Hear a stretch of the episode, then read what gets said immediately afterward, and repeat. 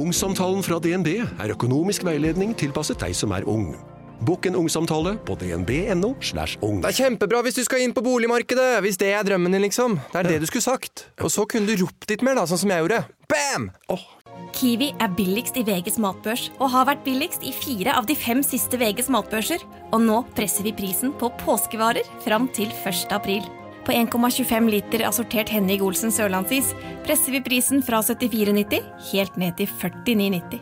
På assorterte 250 ml Cevita og Bendit smoothies presser vi prisen fra 1990 helt ned til 12,90 pluss pant. For det er vi som er prispresserne. Og vi i Kiwi gir oss aldri på pris. En podkast fra Podplay. Denne episoden kan være skremmende for enkelte lyttere.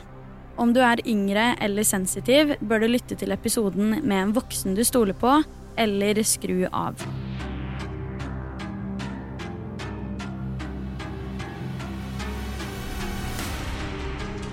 Hei og velkommen til en helt ny episode av Forsvinningsfredag podcast. I lys av den nye serien på Netflix om seriemorderen Jeffrey Dahmer, så har jeg fått en del spørsmål om jeg kan lage en episode om Jeffrey Dahmer og hans liv. Selv så har jeg jo selvfølgelig sett den serien her, og jeg syns den var helt latterlig ubehagelig å se på. Men jeg klarer heller ikke å ikke la meg fascinere av den virkelige historien. Det skal faktisk sies at jeg også har snakka om Jeffrey Dahmer på YouTube-kanalen min før, men det var i sammenheng med at jeg snakka om andre seriemordere også, så denne gangen så tenkte jeg å lage en heldedikert episode om Jeffrey Dahmer, hvor jeg skal få med så mange detaljer som overhodet mulig. Historien hans har ufattelig mange lag og er vanvittig interessant, men samtidig så er det så å si umulig å ikke få frysninger på ryggen av å høre om de forferdelige handlingene som han begikk. Om du er yngre eller sensitiv til informasjon om seksuelle overgrep, drap og lignende, så bør du ta advarselen i begynnelsen av episoden ordentlig på alvor. Sett deg godt til rette.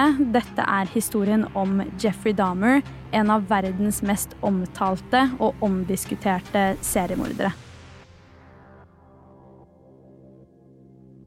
Jeffrey Dahmer ble født Jeffrey Lionel Dahmer den 21. mai 1960. Han ble født i Milwaukee i Wisconsin, og foreldrene hans het Lionel og Joyce Dahmer. I tillegg til det så hadde Jeffrey også en lillebror ved navn David Dahmer.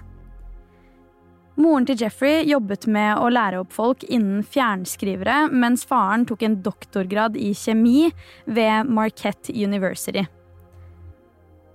Studiene til faren gjorde at han i perioder var mye borte, og det kan nok ha vært en av grunnene til at ekteskapet mellom Lionel og Joyce etter hvert ble langt fra perfekt eller noe å skryte av i det hele tatt. Ekteskapet var visst stikk motsatt, kunne de fortelle i ettertid. Det at foreldrene ikke kom overens, ble veldig synlig i hvordan Jeffrey oppførte seg som barn.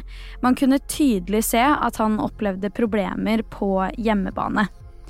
Det finnes litt ulike forklaringer der ute på hvordan ekteskapet mellom Joyce og Lionel var, men det som går igjen, er at Joyce visstnok skal ha slitt mye med et par psykiske lidelser, og fikk både svangerskaps- og fødselsdepresjon. I tillegg til dette har det blitt rapportert om at Joyce også forsøkte å ta livet sitt da barna hennes var veldig, veldig små. Det forklares også at både hun og Lionel ofte krangla og generelt var veldig fraværende, spesielt i Jeffrey sitt liv. Jeffrey selv har faktisk uttalt som voksen at han husker at han som liten var veldig usikker på stabiliteten i familien, og at han husker mange store krangler mellom foreldrene, så det var generelt veldig dårlig stemning. Faren var stort sett veldig fraværende, og moren var jo veldig fraværende psykisk. I 1966 flytter Dahmer-familien til Doylestown i Ohio, og i desember samme året så kommer Jeffreys lillebror til verden.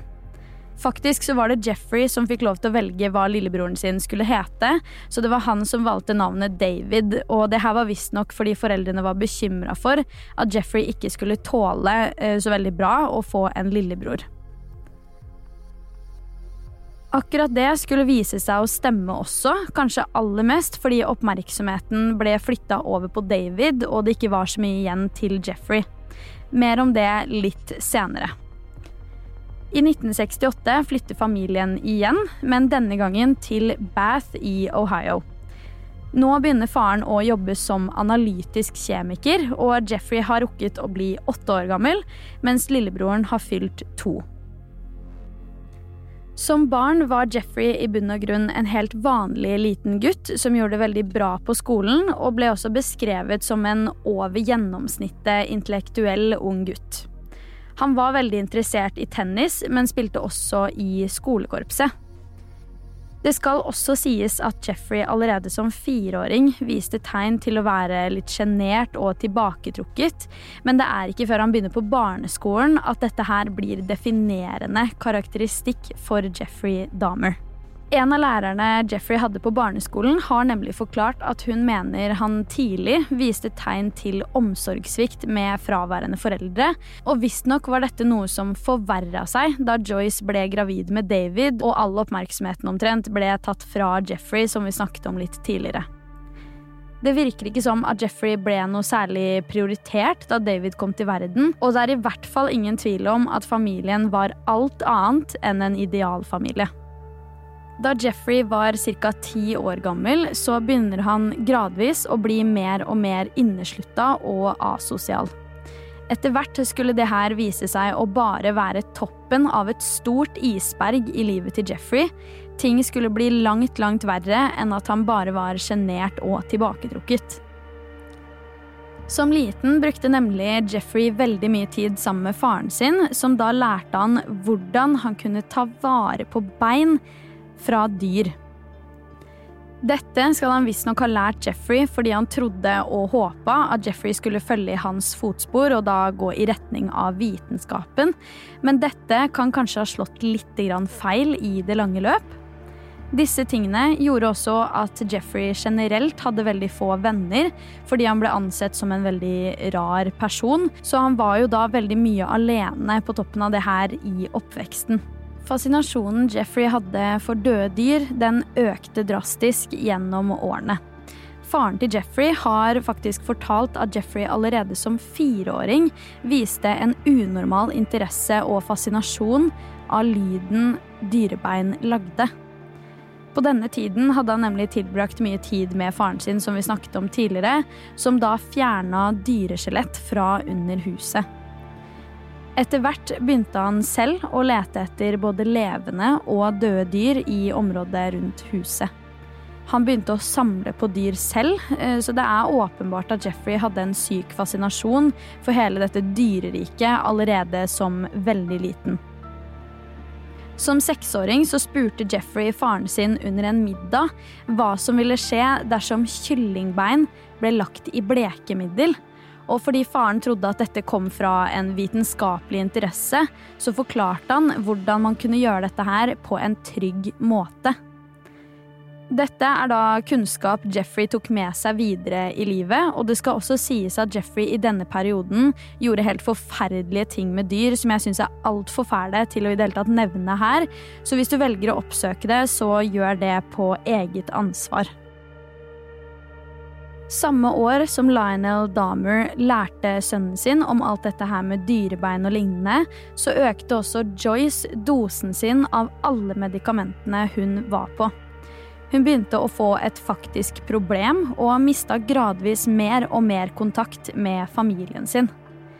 Det vil jo da si at hun ikke var 100% klar over hva det var som skjedde med Jeffrey i den perioden her. I 1977, da han var 17 år gammel, så begynner Jeffrey å gjøre det dårligere og dårligere på skolen, og han får lavere og lavere karakterer. Foreldrene hans ser seg da nødt til å få inn en privatlærer som kan hjelpe han litt på vei, og dette her fungerte periodevis, men absolutt ikke nok. Vi snakka også så vidt om at Jeffrey var veldig sjenert og tilbaketrukket, men av og til var han også typ klassens klovn. Som vi så i Dahmer-serien, så kalte de andre i klassen dette for å do a Dahmer, fordi han fikk oppmerksomhet for å nesten parodiere f.eks. å ha et anfall, ha diagnosen CP eller lignende. Folk rundt lo jo, men dessverre så gjorde de jo narr av han, og det at han fikk folk til å le, gjorde ikke at han fikk seg noen venner eller noe sånt. Samme året nådde problemene i ekteskapet til foreldrene hans virkelig toppen, så de forsøkte i hvert fall i begynnelsen av året å redde ekteskapet ved å gå i parterapi. I september samme år kommer det frem at moren til Jeffrey har vært utro mot faren etter alle disse årene med et ustabilt ekteskap, til tross for at de dette året også forsøkte å redde forholdet. Dette resulterer i at Lionel og Joyce skiller seg, og Joyce ender da opp med å få foreldrerett over den yngste broren, mens Jeffrey blir boende i familiehuset sammen med faren sin. Faren var imidlertid aldri hjemme, så man kan jo på mange måter si at Jeffrey ble forlatt i dette huset helt alene som et resultat av denne skilsmissen.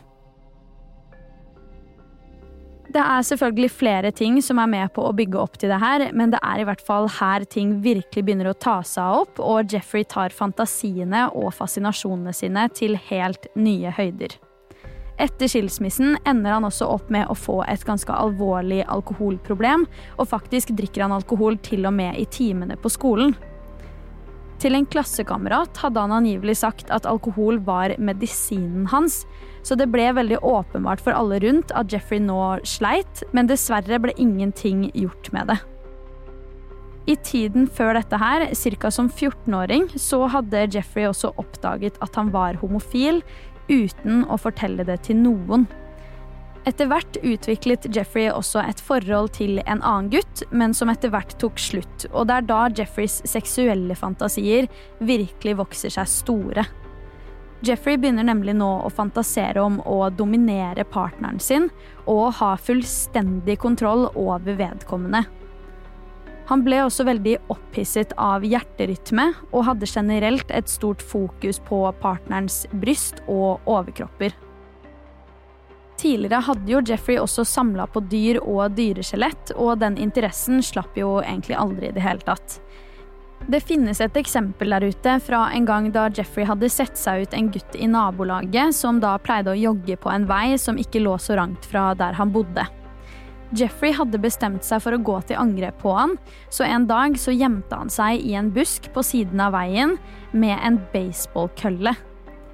Han planla da å slå denne joggeren bevisstløs for å så kunne utføre noen seksuelle handlinger. Dette ble aldri helt gjennomført, utover at Jeffrey faktisk gjemte seg i busken og hoppa frem, men han har i ettertid forklart at dette var hans aller første forsøk på å gjøre noe som helst mot noen på den måten, og da han gjorde dette, var han bare 16 år gammel. Vi spoler tiden frem til 1978 igjen, da Jeffrey har sitt siste år på videregående. I begynnelsen av året hadde også Lionel, altså faren, flytta ut av huset og bodde faktisk på et motell som en midlertidig løsning. Nå var jo Jeffrey faktisk forlatt alene i huset, samtidig som han da i noen måneder måtte balansere det å bo alene i dette store huset med å gjøre seg ferdig på videregående. I mai 1978 er han ferdig, og bare tre uker senere skjer det noe som er helt, helt avgjørende for Jeffreys fremtid. 18.6.1978 finner nemlig Jeffrey Dahmer sitt aller første offer, Stephen Mark Hicks. Jeffrey har i ettertid sagt at dette her viste veldig tydelig en av fantasiene som han hadde hatt. I lang tid hadde han nemlig fantasert om å plukke opp en gutt som haika, og det var akkurat det han gjorde i denne situasjonen med Stephen Hicks. Jeffrey er ute og kjører da han får øye på Steven, som er ute på en joggetur og skal på en konsert i Chippewa Lake Park i Ohio litt senere på kvelden. Ifølge Google Maps i dag skal det ha tatt rundt en halvtime å kjøre til dette konsertområdet fra huset der Jeffrey bodde, men det er rimelig å anta at veiene på den tiden var litt annerledes, og at det ikke nødvendigvis er helt nøyaktig. Uansett så tilbyr Jeffrey seg å kjøre Steven til denne konserten, men spør om han først vil komme hjem til han for å ta en øl før de skal dra, ettersom at Jeffrey var alene hjemme. Steven går da med på det her, men gjør det også veldig tydelig at han er nødt til å rekke å møte vennene sine på konsertområdet før det begynner. Jeffrey betrygget han om at det skulle de helt fint rekke. I etterkant av alt med Steven så har Jeffrey faktisk forklart at Steven var på denne joggeturen i bar overkropp, og at det var det som gjorde at Jeffrey fikk opp øynene sine for han. Steven hadde også snakka om jenter i en eller annen sammenheng som gjorde at Jeffrey forsto at Steven ikke var homofil. Samtidig som han innså det, så innså han også at dersom han skulle prøve seg på han, så kom han til å bli avvist uansett hva. Tilbake til historien. Jeffrey setter da på litt musikk, og de to tar noen øl. Etter et par timer begynner Steven å snakke om at han har lyst til å dra, og begynner tydelig å bli stressa for at han ikke skal rekke konserten. Jeffrey har selv forklart følgende om situasjonen. Steven ville dra, men jeg ville ikke at han skulle dra. Og det er akkurat det der som gjør at Jeffrey går fra å være en person med kun fantasier til å bli en drapsmann. Han slår nå Stephen Hicks med en dumbbell treningsmanual, og senere har Jeffrey fortalt at han slo Steven to ganger med manualen bakfra. Dette gjør Steven bevisstløs, og mens han da ligger på gulvet, kveler Jeffrey han i hjel før han tar av Steven alle klærne som han har på. Deretter utforsker han kroppen hans, spesielt brystet og overkroppen, før han står over liket og masturberer. Det virker som at han fikk litt panikk av det her, og tar nå med seg liket til kjelleren. Dagen etter drapet dissekerer han liket til Steven, før han begraver det i hagen bak huset litt senere. En stund etterpå så gravde han faktisk opp liket igjen og brukte syre for å løse opp huden, som han senere skilte ned i do. Beina endte han opp med å knuse med en slegge i et forsøk på å pulverisere dem, og så kastet han asken eller restene ut i hagen bak huset igjen. Dette skjedde jo i juni, og i august skal Jeffrey begynne på universitetet i Ohio. Her skulle han ta et studie som fokuserte på business, men dette studielivet virka ikke til å være noe for Jeffrey i det hele tatt. Han gjorde det ekstremt dårlig i de fleste fagene utenom ett. Så hadde han fortsatt i denne retningen, så er det ikke engang sikkert at han hadde klart å bestå i alle fagene.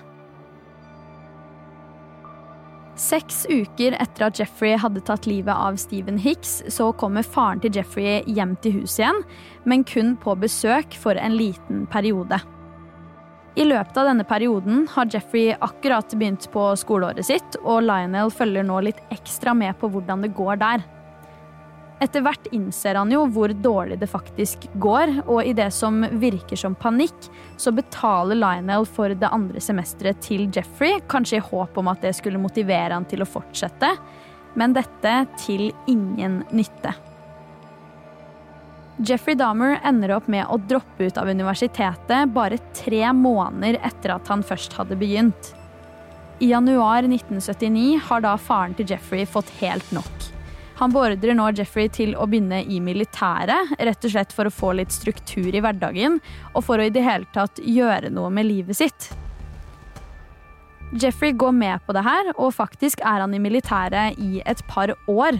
I starten går det ganske bra. Han blir kategorisert som en gjennomsnittlig til litt over snittet god soldat, og det er jo allerede mye bedre enn hva han var på skolebenken. Vi spoler frem til 1981, for det er da de som har ansvar for Jeffrey, begynner å få opp øynene for hva som egentlig foregår med han.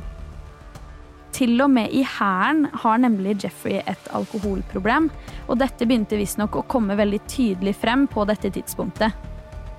Alkoholproblemet hans gjør at han i mars 1981 blir ansett å ikke være egna for å være i militæret. Lederne hans har da forklart at problemene han hadde i militæret, høyst sannsynlig ikke kom til å være et problem i hverdagen hans utenfor militæret, uten at de egentlig visste noe om at dette var et problem han hadde slitt med en god stund før han i det hele tatt kom inn i militæret. I ettertid har faktisk to soldater kommet ut og sagt at han har voldtatt dem. Han ene har fortalt at Jeffrey utsatte han for overgrep flere ganger over tid, mens han andre har forklart at han har blitt dopa ned og blitt utsatt for overgrep én gang. 24.3.1981 blir Jeffrey tatt inn til et møte med militæret for å snakke om situasjonen og å løse det på best mulig måte. Her får han da vite at han blir kasta ut og er nødt til å vende snuta hjemover, og som trøst får Jeffrey da muligheten til å dra hvor som helst i USA. Jeffrey hadde virkelig ikke lyst til å dra hjem til Bath i Ohio da, for han skjønte jo at faren kom til å bli helt sinnssykt skuffa. Jeffrey velger da å heller dra til Miami i Florida, og her får han faktisk en jobb på delikatessen mens han bodde på et motell i nærheten. Dette drev han utrolig nok med en god stund, og det var ikke før i september 1981, altså da et halvt år senere, at faren ber Jeffrey om å komme hjem til Ohio igjen. Jeffreys hverdag frem til nå hadde da bestått av å stå opp, dra fra motellet og til jobb, jobbe seg ferdig, dra i butikken for å kjøpe alkohol, og deretter drikke frem til leggetid. Når Jeffrey da returnerer til hjemmet sitt, så har faren rukket å få seg en ny dame, som nå har flytta inn i huset. Jeffrey ender da opp med å bo sammen med disse to, og tiden som følger er preget av dårlig oppførsel fra Jeffreys side, så allerede to måneder etter at han hadde kommet hjem fra Miami, så beordrer både faren og stemoren at Jeffrey er nødt til å bo med bestemoren sin, for dette klarer de ikke lenger. Bestemoren bodde da i West Alice i Wisconsin, så ikke bare måtte Jeffrey flytte til en annen by, men han måtte også flytte til en helt ny stat. Tanken var at Jeffrey skulle få en ny start, forhåpentligvis finne seg en jobb og en mening med livet som gjorde at han kanskje slutta å drikke alkohol, for problemet hans var jo veldig, veldig ille på den tiden her. I starten gikk alt dette etter planen. Han og bestemoren hadde det veldig hyggelig på hjemmebane, og det virka jo da selvfølgelig som at ting gikk i riktig retning. Jeffrey hadde også fått seg jobb på et senter som jobba med å ta blodprøver og lignende. Imidlertid fikk Jeffrey sparken fra den jobben her av ukjente årsaker bare ti måneder etter at han hadde begynt der. Hvorfor det? Det er etter at han fikk sparken fra denne jobben her, at Jeffrey virkelig begynner å gå i retning av fantasiene sine nok en gang. Mot slutten av tiden sin i den jobben her, så ble han tatt av politiet for blotting foran mindreårige. Gjentatte ganger blir faktisk Jeffrey tatt for blotting og uanstendig atferd, som gjør at han får flere bøter og også noen fengselsstraffer. Jeg ble faktisk litt sjokkert da jeg leste om hvilke straffer han hadde fått for det her. Altså Den ene var seriøst på 50 dollar for å blotte seg for barn og også onanere foran dem. I dagens kurs tilsvarer jo det her rundt 500 kroner litt mindre. Og selv om det var mye mer penger for folk på den tiden i USA, så syns jeg det høres veldig lite ut for en sånn forseelse. I januar 1985 får Jeffrey Dahmer seg enda en ny jobb, og denne gangen på en sjokoladefabrikk. Jeg har ikke funnet ut noe om hvorvidt han trivdes der eller ikke, men i startfasen av den jobben her så skjedde det uansett noe veldig interessant, som ifølge Jeffrey skal ha vært noe av det som førte til at han etter hvert utspilte alle seksuelle fantasiene han hadde. En dag satt nemlig Jeffrey på det offentlige biblioteket og leste, da han plutselig fikk en papirlapp levert på pulten der han satt. Denne var fra en annen mann i rommet som hadde sett seg ut Jeffrey, og på denne lappen så står det en forespørsel om denne fremmede mannen kunne utføre oralsex på Jeffrey. Man skulle kanskje tro at dette her var noe Jeffrey ble med på, tatt i betraktning disse fantasiene han senere har fortalt om, men Jeffrey velger faktisk å ikke gjøre det, og heller ignorere hele greia. Denne hendelsen fyrte imidlertid oppunder fantasiene Jeffrey hadde som ungdom, og det er først nå han begynner å utforske sin egen seksualitet enda mer. Jeffrey blir nå stamkunde hos det de kaller for bathhouses, og også ulike barer og klubber for homofile. I tillegg til dette ender han også opp med å stjele en mannekeng fra en butikk etter stengetid en gang, som han visstnok brukte til seksuell tilfredsstillelse. Altså, Livet til Jeffrey var jo alt annet enn normalt. Gjennom hele livet hans opplevde han jo en hel del hendelser som virkelig setter spor for hvem som helst. Denne mannekengen ender uansett bestemoren til Jeffrey opp med å finne inne på rommet hans, og naturligvis syns hun jo dette er veldig rart, så hun kaster hele mannekengen uten at Jeffrey visste noe som helst om det. La meg bare si, det her falt virkelig ikke i god jord hos Jeffrey. I denne perioden ble det en vanlig greie for Jeffrey å forsøke å ta med seg gutter fra barene i nærheten og inn til et bathhouse. Jeg må også bare si at Jeffrey selv har beskrevet et bathhouse som et avslapningsområde. Han plukka da med seg disse guttene og tok de med inn på et rom der, og hver gang måtte han gjennom en skranke for å betale for rommet. I en lang periode hadde Jeffrey tatt med seg flere gutter som endte opp med å ligge bevisstløse i rommet, mens Jeffrey pent og rolig forlater stedet. Jeffrey hadde visstnok blitt lei av at guttene han hadde med seg, bevegde seg under akten. Så nå har han sett seg nødt til å finne en løsning på det han kalte et problem. Faktisk har Jeffrey uttalt følgende. Jeg trente meg selv opp til å se på mennesker som objekter for nytelse, enn som mennesker. I starten av juni 1986 begynner da Jeffrey på det som var hans nye plan, å dope ned ofrene sine før akten. Han brukte da en form for pille som han putta i drinken deres, som da gjorde ofrene helt ute av stand til å gi verken samtykke, fjerne seg fra situasjonen, be om hjelp eller i det hele tatt bevege på seg. Nå hadde Jeffrey 100% kontroll, og han elska det. 8.9.1986 blir Jeffrey Dahmer pågrepet for en situasjon der han igjen har masturbert foran to tolv år gamle gutter. Selv sa han at han bare skulle tisse og ikke var klar over at de var der i det hele tatt, men det var flere vitner til stede som hadde sett denne hendelsen og kunne bekrefte at Jeffrey løy. Kort tid etter velger Jeffrey å tilstå hva han hadde gjort, og ender derfor opp med å bli dømt til ett års betinga fengsel, og ble også nødt til å gå i rådgivning i perioden etter. Det endte jo også opp med å bli ganske mange tilfeller i disse bathhouse-rommene, hvor det ble funnet bevisstløse gutter på rommene, mens Jeffrey stille og rolig forlot stedet.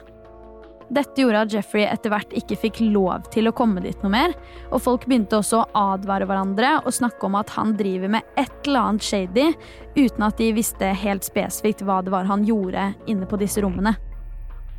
Dette gjør at Jeffrey nå blir nødt til å finne et annet sted å utføre disse handlingene, så han begynner nå å sjekke inn på hotell med disse guttene.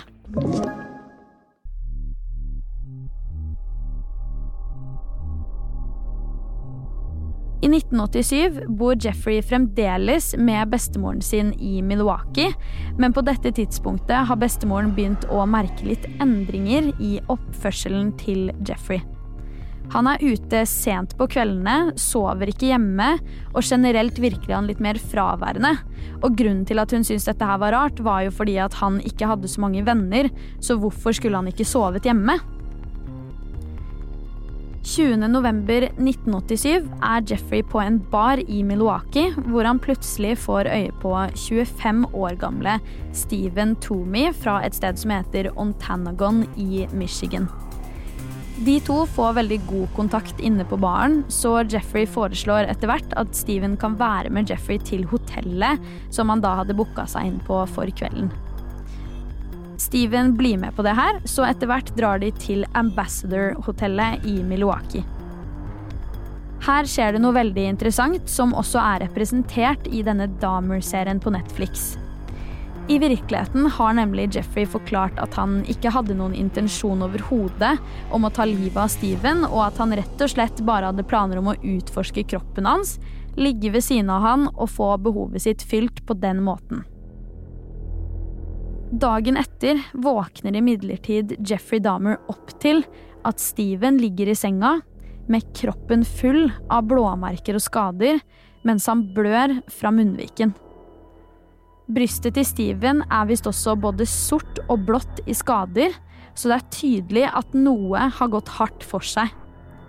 Til og med albuen og knyttneven til Jeffrey er fulle av blåmerker og skader. Alt dette her gjør naturligvis at Jeffrey får fullstendig panikk, så nå drar han ut for å kjøpe en koffert, som han da putter Steven inni. Det er sånn her han tar med seg liket ut av hotellet og hjem til bestemoren sin. Det neste som skjer, er veldig forstyrrende, for Jeffrey er jo nødt til å kvitte seg med liket på en eller annen måte. Han ender da opp med å partere liket, fjerner beina og legger huden i forskjellige søppelposer. Beina legger han inn i et håndkle og bruker en slegge for å knuse dem. Han hadde også kutta av hodet til Steven og alt dette hadde han kasta i søpla. Etter en stund henta Jeffrey hodet igjen og forsøkte å koke det i det som heter Soilex. Visstnok er dette et mye brukt industrivaskemiddel, så det er veldig sterkt. Og så brukte han også et blekemiddel for å kunne fjerne huden og beholde hodeskallen. Jeffrey ønska sykt nok å bruke dette her for seksuell stimuli. Dette forsøket han gjorde med vaskemiddel og blekemiddel, endte imidlertid ikke opp med å fungere, så han endte heller opp med å pulverisere hodeskallen etter forsøket, og deretter kvitte seg med den. Selv forklarer Jeffrey at han virkelig ikke har noe minne av at han har tatt livet av eller skada Steven på noen måte, og i avhør har han forklart følgende. Jeg kan ikke tro at dette skjedde.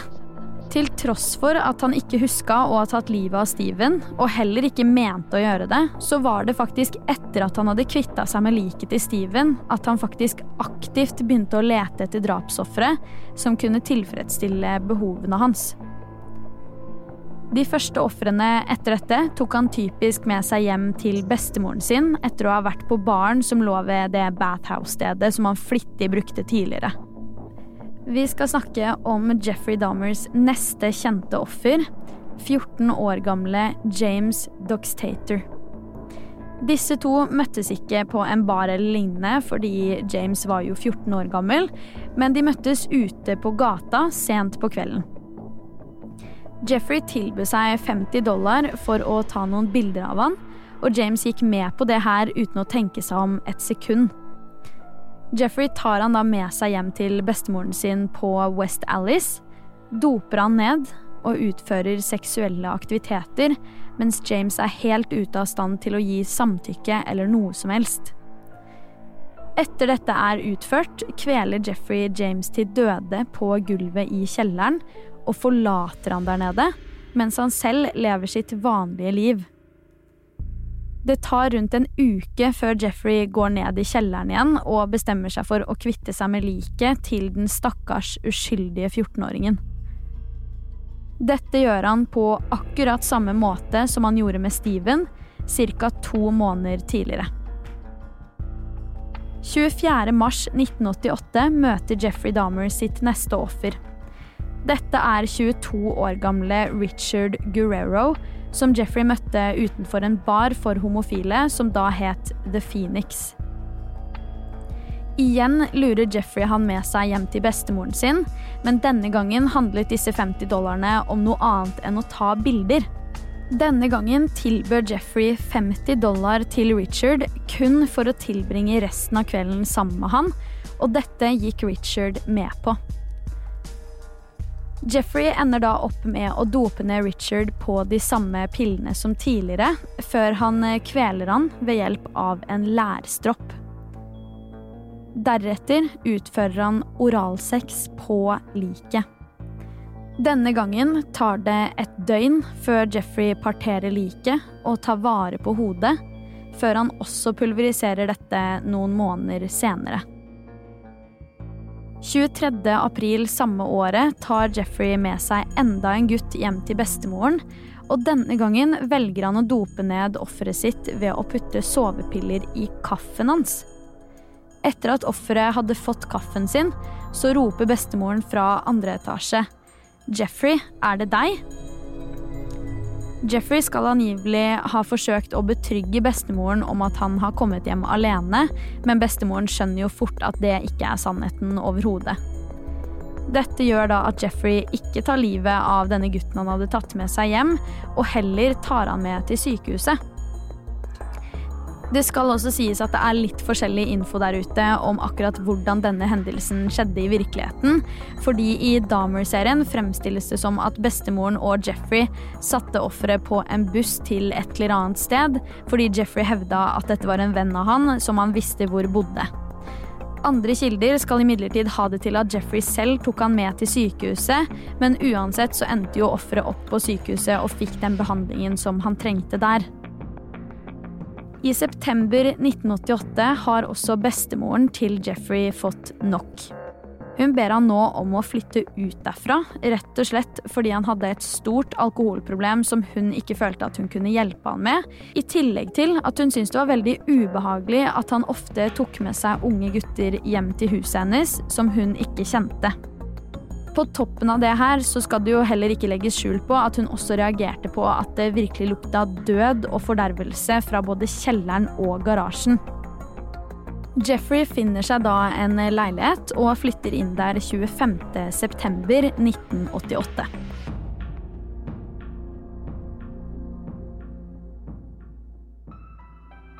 Bare to dager etter at Jeffrey flytter inn i leiligheten sin, så blir han pågrepet for å ha dopa ned og forsøkt å gjøre seksuelle ting med en 13 år gammel gutt. Denne gutten hadde han igjen lurt inn i leiligheten sin ved hjelp av å si at han skulle få penger for å ta nakenbilder. Faren til Jeffrey ansetter da en advokat som gjør det han kan for å få Jeffrey psykisk evaluert, rett og slett for å få en lavere straff. Det ender med at disse evalueringene viser at Jeffrey føler veldig sterkt på utenforskap og ensomhet, i tillegg til at han får påvist diagnosen schizoid personlighetsforstyrrelse. Jeg personlig kan veldig lite om akkurat den lidelsen her, men dette er forklaringen på diagnosen ifølge Store medisinske leksikon. Skitsoid personlighetsforstyrrelse er en personlighetsforstyrrelse kjennetegnet ved manglende evne til å interessere for og knytte nære forhold til andre mennesker. Personen er mer opptatt av eget indre fantasiliv og har begrenset evne til å uttrykke følelser og til å oppleve glede. Av omverdenen blir vedkommende gjerne oppfattet som en ensom ulv. Etter disse evalueringene så erkjente Jeffrey straffskyld for handlingene mot 13-åringen den 30. januar 1989, men domsavsigelsen ble utsatt til mai samme året. 20. mars går Jeffrey ut i påskeferie, og i løpet av den uka der så flytter han inn med bestemoren sin igjen. Mellom denne påskeferien og domsavsigelsen som skulle komme i mai, så begår Jeffrey sitt femte drap, nemlig på modellspiren Anthony Sears. Jeffrey og Anthony møttes på en bar for homofile den 25. mars 1989 og kom helt vanvittig godt overens.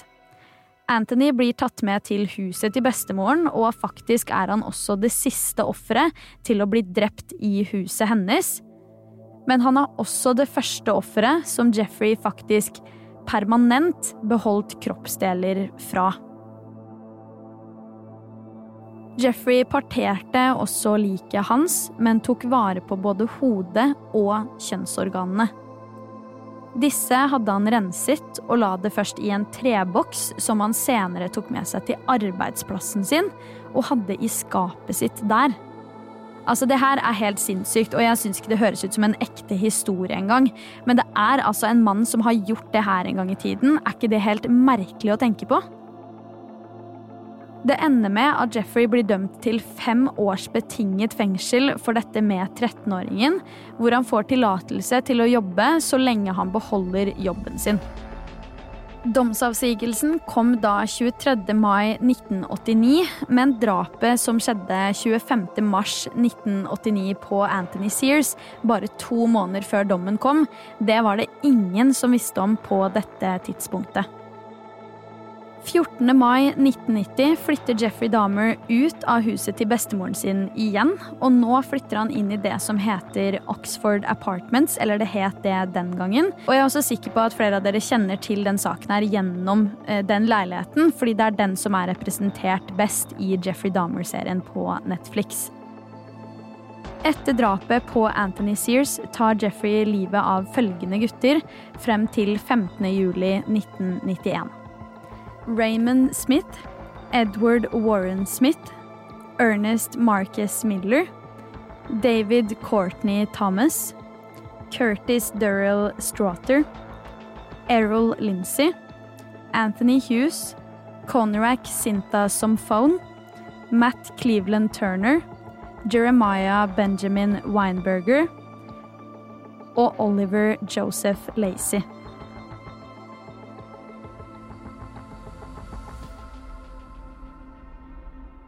Vi er nødt til å snakke litt mer om ett av de nevnte ofrene over her, fordi det sier veldig tydelig noe om situasjonen Jeffrey var i på den tiden, og hvilken posisjon han var i. Og det er egentlig også veldig trist, fordi alt sammen fint kunne ha stoppa i denne situasjonen, selv om det absolutt ikke gjorde det. La oss snakke om Conorak Sinta Somphone. Conorak var en 14 år gammel gutt som også var lillebroren til et av ofrene til Jeffrey fra 1988. Conorak ble lurt hjem til Jeffrey med et løfte om å få penger for å bli tatt bilde av, men i realiteten var dette Conoraks siste kveld i live. Han ble nemlig dopa ned, i tillegg til å få syre inn i hjernen sin, for at Jeffrey skulle ha fullstendig kontroll over han. Han gjorde nemlig et forsøk på å gjøre noen av ofrene sine til zombier, eller i hvert fall få de inn i en sånn type tilstand. Jeffrey forlot da Conrack i leiligheten sin alene, i god tro om at han var ute av stand til å komme seg noe sted, og så dro Jeffrey for å kjøpe mer alkohol på butikken. Det som så skjer, er at Conrack har fått kommet seg ut av leiligheten helt naken, og møter på Sandra Smith og to andre, hvor den ene av dem var datteren hennes. Sandra har da ringt til politiet fordi Conrack helt åpenbart ikke var verken bevisst eller til stede på noe som helst vis. Politiet kommer til stedet, og samtidig omtrent så dukker også Jeffrey opp med butikkposene i hendene. Jeffrey forklarer da at Conrack er 19 år gammel, og at han er kjæresten hans. Videre forklarer han at han bare har blitt altfor full denne kvelden, men at Jeffrey gjerne tar han med inn i leiligheten igjen for å få lagt han. Politiet her stiller ingen kritiske spørsmål, og tar heller ikke Conracks tilstand i betraktning. Ei heller sjekker de ID-en hans eller lignende. De tar da Jeffreys ord for god fisk og lar han ta 14-åringen med seg inn igjen og dette er det siste noen andre enn Jeffrey Dahmer noensinne så av han. Da Jeffrey Dahmer tar med seg 14-åringen inn i leiligheten igjen, så injiserer han nemlig enda mer syre inn i hjernen hans, og det er i bunn og grunn sånn Conrack ender opp med å dø til slutt. Hva hadde skjedd om politiet tok Sandra på alvor da hun ringte, og om de faktisk hadde tatt med seg denne stakkars gutten? Hadde Jeffrey blitt avslørt tidligere? Vi skal nå snakke om Jeffreys aller siste offer, nemlig 25 år gamle Joseph Arthur Bradahoft. Joseph var en ung far, men han hadde tre barn og bodde egentlig i Minnesota. Men han var i Milwaukee fordi han ønsket å få seg en jobb der. Før Jeffrey møtte på Joseph, hadde han selv fått beskjed om at han har fått sparken fra jobben sin, så han var i veldig dårlig humør pga. det. Fordi Jeffrey hadde fått sparken fra jobben og var i dårlig humør, så lurer han med seg Joseph inn i leiligheten sin og tar livet av han på akkurat samme måte som de tidligere ofrene sine. En annen faktor som også er en stor del av den saken her, er det faktum at Jeffrey også spiste deler av ofrene sine, og det er grunnen til at noen kjenner den saken her som The Cannibal Killer. Da Jeffrey parterte noen av likene sine, så tok han vare på flere deler som han senere skjærte opp, og lagde mat av. Den saken her har som sagt mange lag, og den blir bare større og større jo mer man setter seg inn i det. 22.07.1991 er dagen Jeffrey Dahmer endelig blir pågrepet av politiet for aller siste gang. Denne kvelden hadde han nemlig forsøkt å ta livet av enda en gutt ved navn Tracy Edwards. Tracy var 32 år gammel og hadde klart å rømme fra leiligheten til Jeffrey etter å ha blitt forsøkt dopa ned og også fått på seg håndjern av Jeffrey. Etter en hard kamp mellom han og Jeffrey kom han seg ut på gata, løp fra leiligheten og forsøkte sitt beste på å rope om hjelp. Etter hvert får Tracy kontakt med to politimenn som han da får prata med. Han forteller alt som har skjedd, og politiet drar da sammen med Tracy til leiligheten til Jeffrey, og får utrolig nok lov av Jeffrey til å komme inn i leiligheten. Politiet blir nå møtt av et helt forferdelig syn. Tracy hadde forklart at Jeffrey hadde trua han med en kniv, og denne kunne han fortelle at lå på soverommet til Jeffrey, noe den faktisk gjorde. I tillegg til dette finner politiet mange polaroidbilder av parterte lik og mennesker både før og under drapet. Det her er jo nesten som at alle handlingene Jeffrey gjorde, var blitt dokumentert i polaroidbilder, og det er helt sykt å tenke på. I tillegg til dette finner politiet også et hode i kjøleskapet, tre andre hoder i fryseren, krukker som inneholdt kjønnsorganer, og en 215 liters dunk som også inneholdt kroppsdeler og overkropper fra andre lik. Det er ingen tvil om hva det er som hadde skjedd her, og heller ingen tvil om hvem som var den skyldige. Nå blir Jeffrey Dahmer pågrepet. Rettssaken mot Jeffrey Dahmer begynner i januar 1992, og umiddelbart erkjenner han utrolig nok ikke straffskyld, til tross for det overveldende tårnet av bevis mot han, og til tross for at han faktisk hadde tilstått til politiet i avhør. Etter hvert endrer Jeffrey kjennelsen sin til at han var strafferettslig utilregnelig, men rettssaken viser likevel veldig tydelig at dette ikke var tilfellet i det hele tatt. Da Jeffrey la frem dette, kom det med en gang frem flere bevis på oppførselen hans, som da kunne bygge opp under at han absolutt ikke var utilregnelig i gjerningsøyeblikket, og at han visste at det han gjorde var galt, men valgte fremdeles å gjøre det. Juryen ender da opp med å bruke rundt ti timer på å komme til enighet om straffen til Jeffrey i februar 1992. 15.2.1992 ender Jeffrey Dahmer da opp med å bli dømt til 15 livstidsdommer, som tilsvarte ca. 957 år i fengsel på den tiden, rett og slett fordi staten han ble dømt i, ikke hadde dødsstraff i lovverket sitt på den tiden. I mai samme året fikk han faktisk også lagt til en 16. livstidsdom, antageligvis fordi de har funnet enda flere bevis i saken, enda et offer eller lignende. Rettssaken var jo noe helt spesielt, og jeg har veldig lyst til å sette inn et lite utdrag her fra Jeffreys aller siste uttalelse i retten. Ta og hør på det her. Your Honor, it is over now. This has never been a case of trying to get free. I didn't ever want freedom. Frankly, I wanted death for myself. This was a case to tell the world that I did what I did not for reasons of hate. I hated no one. I knew I was sick or evil or both. Now I believe I was sick. The doctors have told me about my sickness, and now I have some peace. I know how much harm I have caused. I tried to do the best I could after the arrest to make amends, but no matter what I did, I could not undo the terrible harm I have caused. I avhør blir Jeffrey spurt om hva som var motivet hans for å gjøre alle disse handlingene, og da forklarer han følgende. Det eneste motivet som noen gang var, var å totalt kontrollere en person, en person jeg fant attraktiv, og holde dem med meg så lenge som mulig, om så det betydde å bare beholde en del av dem. I et intervju i begynnelsen av fengselsoppholdet sitt forklarte Jeffrey også følgende. Det er vanskelig for meg å tro at et menneske kan ha gjort det jeg gjorde, men jeg vet at jeg gjorde det. Da Jeffrey Dahmer ble dømt, var han 32 år gammel, så han begynte jo med dette her i veldig ung alder. Men det vil jo også si at Jeffrey egentlig fremdeles skulle ha sittet i fengsel, men sånn endte det ikke opp med å bli.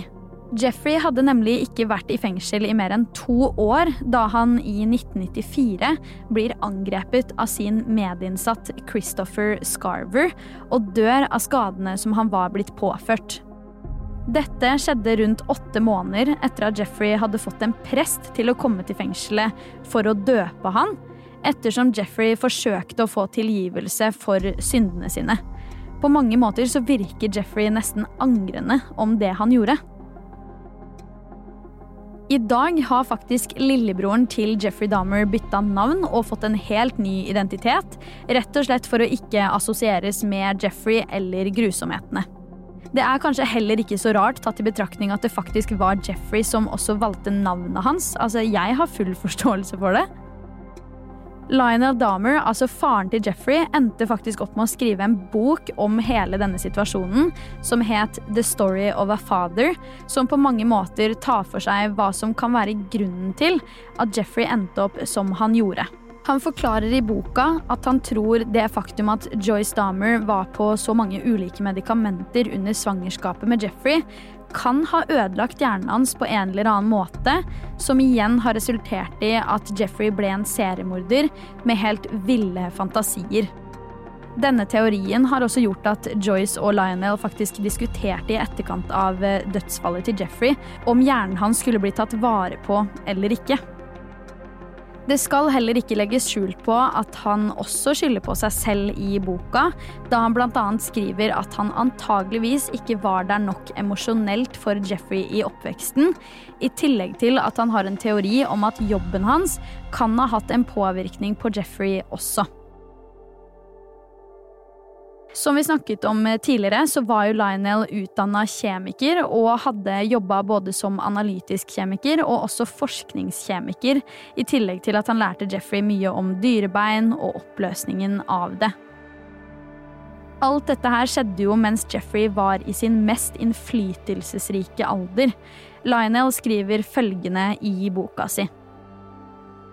Som vitenskapsmann lurer jeg på om potensialet for stor ondskap ligger dypt i blodet som noen av oss muligens overfører til barna våre ved fødsel. Det skal også sies at både Lionel og den nye kjæresten hans, som da het Sherry, fremdeles eh, beholdt kontakten med Jeffrey etter at han ble satt inn i fengselet. Det samme gjorde for så vidt Joyce, da hun angivelig skal ha snakka med Jeffrey over telefon rundt en gang i uka da han ble innsatt i fengsel. En gang skal hun visstnok ha spurt han om han fremdeles har disse behovene, og da har Jeffrey angivelig svart følgende. Ja, det har jeg. Jeg er så glad for at jeg er i fengsel. Jeg vet ikke hva jeg hadde gjort hvis jeg ikke var i fengsel. Joyce skulle faktisk også egentlig flytte inn sammen med David, altså den yngre broren til Jeffrey, men det endte ikke opp med å bli sånn, så hun flytta heller til Fresno i California for å begynne et nytt liv der. Hun dør selv i 2000, bare seks år etter at Jeffrey også døde, mens Lionel Dahmer han lever fremdeles. Han stilte faktisk opp i en dokumentar om saken i 2020, og det virker som at det er viktig for han å få frem hvordan ting faktisk skjedde den gangen. Som du hører, så er det virkelig ingen tvil om at dette er en helt forferdelig sak med mange lag, og den blir jo, som jeg nevnte tidligere, bare større og større jo mer man graver i den, og jo mer man setter seg inn i det. Det gjør også at jeg er litt ekstra interessert i å høre dine tanker og refleksjoner rundt akkurat den saken her. Kan man skylde på foreldrene for hvordan Jeffrey endte opp med å bli? Skriv det gjerne inn til meg på Instagram, der jeg heter Forsvinningsfredag. Du har hørt Forsvinningsfredag podkast med meg, Sara Høydahl. Og dersom du har lyst til å høre om flere true crime-saker, så kan du også sjekke meg ut på YouTube, der jeg heter Sara Høydahl. Uansett så kommer det en helt ny Forsvinningsfredag podkast-episode allerede neste fredag. Og i mellomtiden, ta vare på deg selv.